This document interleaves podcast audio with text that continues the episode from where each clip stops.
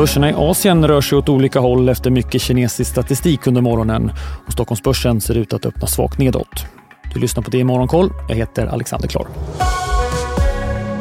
Och vi börjar i Asien där det mestadels är svagt nedåt på börserna. I Fastlandskina är Shanghai och Shenzhen ned knappt en halv procent medan Hongkong backar över en procent. Kinas BNP-utveckling under det fjärde kvartalet var inte fullt så svagt som marknaden räknat med. Jämfört med motsvarande kvartal 2021 så steg BNP med 2,9 procent i Q4. Under helåret så växte Kinas ekonomi med 3 procent vilket var klart lägre än Pekings BNP-mål på 5,5 procent. Vi har också fått siffror som visar att detaljhandeln i Kina var starkare än väntat i december.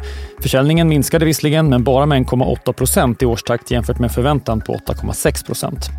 Och även landets industriproduktion var starkare än väntat i december. För första gången på över 60 år så minskar nu befolkningen i Kina. Under fjolåret så krympte invånarantalet i landet med cirka 850 000 personer till 1,41 miljarder. Det här är bara början på en väntad nedgång och Indien väntas kliva förbi Kina som världens folkrikaste land under året. Tokyobörsen stiger till skillnad från många andra asiatiska börser och tar igen något av nedgången vi såg igår. Och imorgon så får vi också ett räntebesked från landets centralbank som lyckades överraska marknaden något senaste gången. Så till Sverige. Arbetslösheten steg något i landet under december i slutet av månaden. Hej, Ulf Kristersson här. På många sätt är det en mörk tid vi lever i. Men nu tar vi ett stort steg för att göra Sverige till en tryggare och säkrare plats. Sverige är nu medlem i Nato. En för alla, alla för en. Månaden var 6,5 procent inskrivna som arbetslösa. Det var samtidigt något lägre än för ett år sedan. Och försäljningen i dagligvaruhandeln ökade under fjolårets sista månad men uppgången med drygt 7,5 procent förklaras med prisökningarna vi sett på drygt 18 procent. Så prisjusterat minskar alltså försäljningen med över 10 procent. Bland bolagsnyheterna har hårt kurspressade Aselio som är verksamt inom miljöteknik tvingats överge sina leveransmål för 2023 och bolagets prognos för när kassaflödet blir positivt kommer försenat. Så bolaget säger nu att man behöver ta in ytterligare pengar. Aktien, som ibland beskrivs som en småspararfavorit, har sedan toppen i februari 2021 rasat med 97 procent.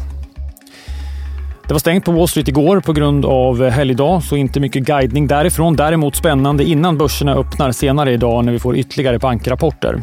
Vi fick några redan i fredags och rapporterna fick till en början ett svalt mottagande men stängde upp och flera överträffade också förväntan.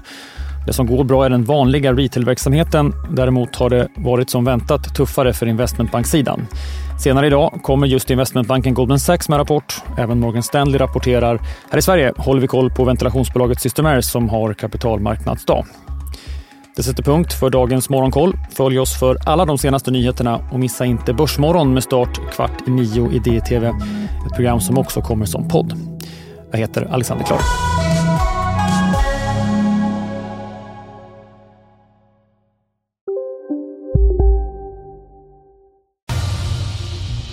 Expressen gör varje vecka podden Politikrummet där vi djupdyker i det senaste och viktigaste inom svensk politik. Med mig, Filippa Rogvall, som programledare tillsammans med mina vassa kollegor. Och det är ju ni som heter Thomas Nordenskjöld, Anette Holmqvist och Viktor Bartkron. Politikrummet kommer med ett nytt avsnitt varje tisdag. Vi hörs. Har du också valt att bli egen?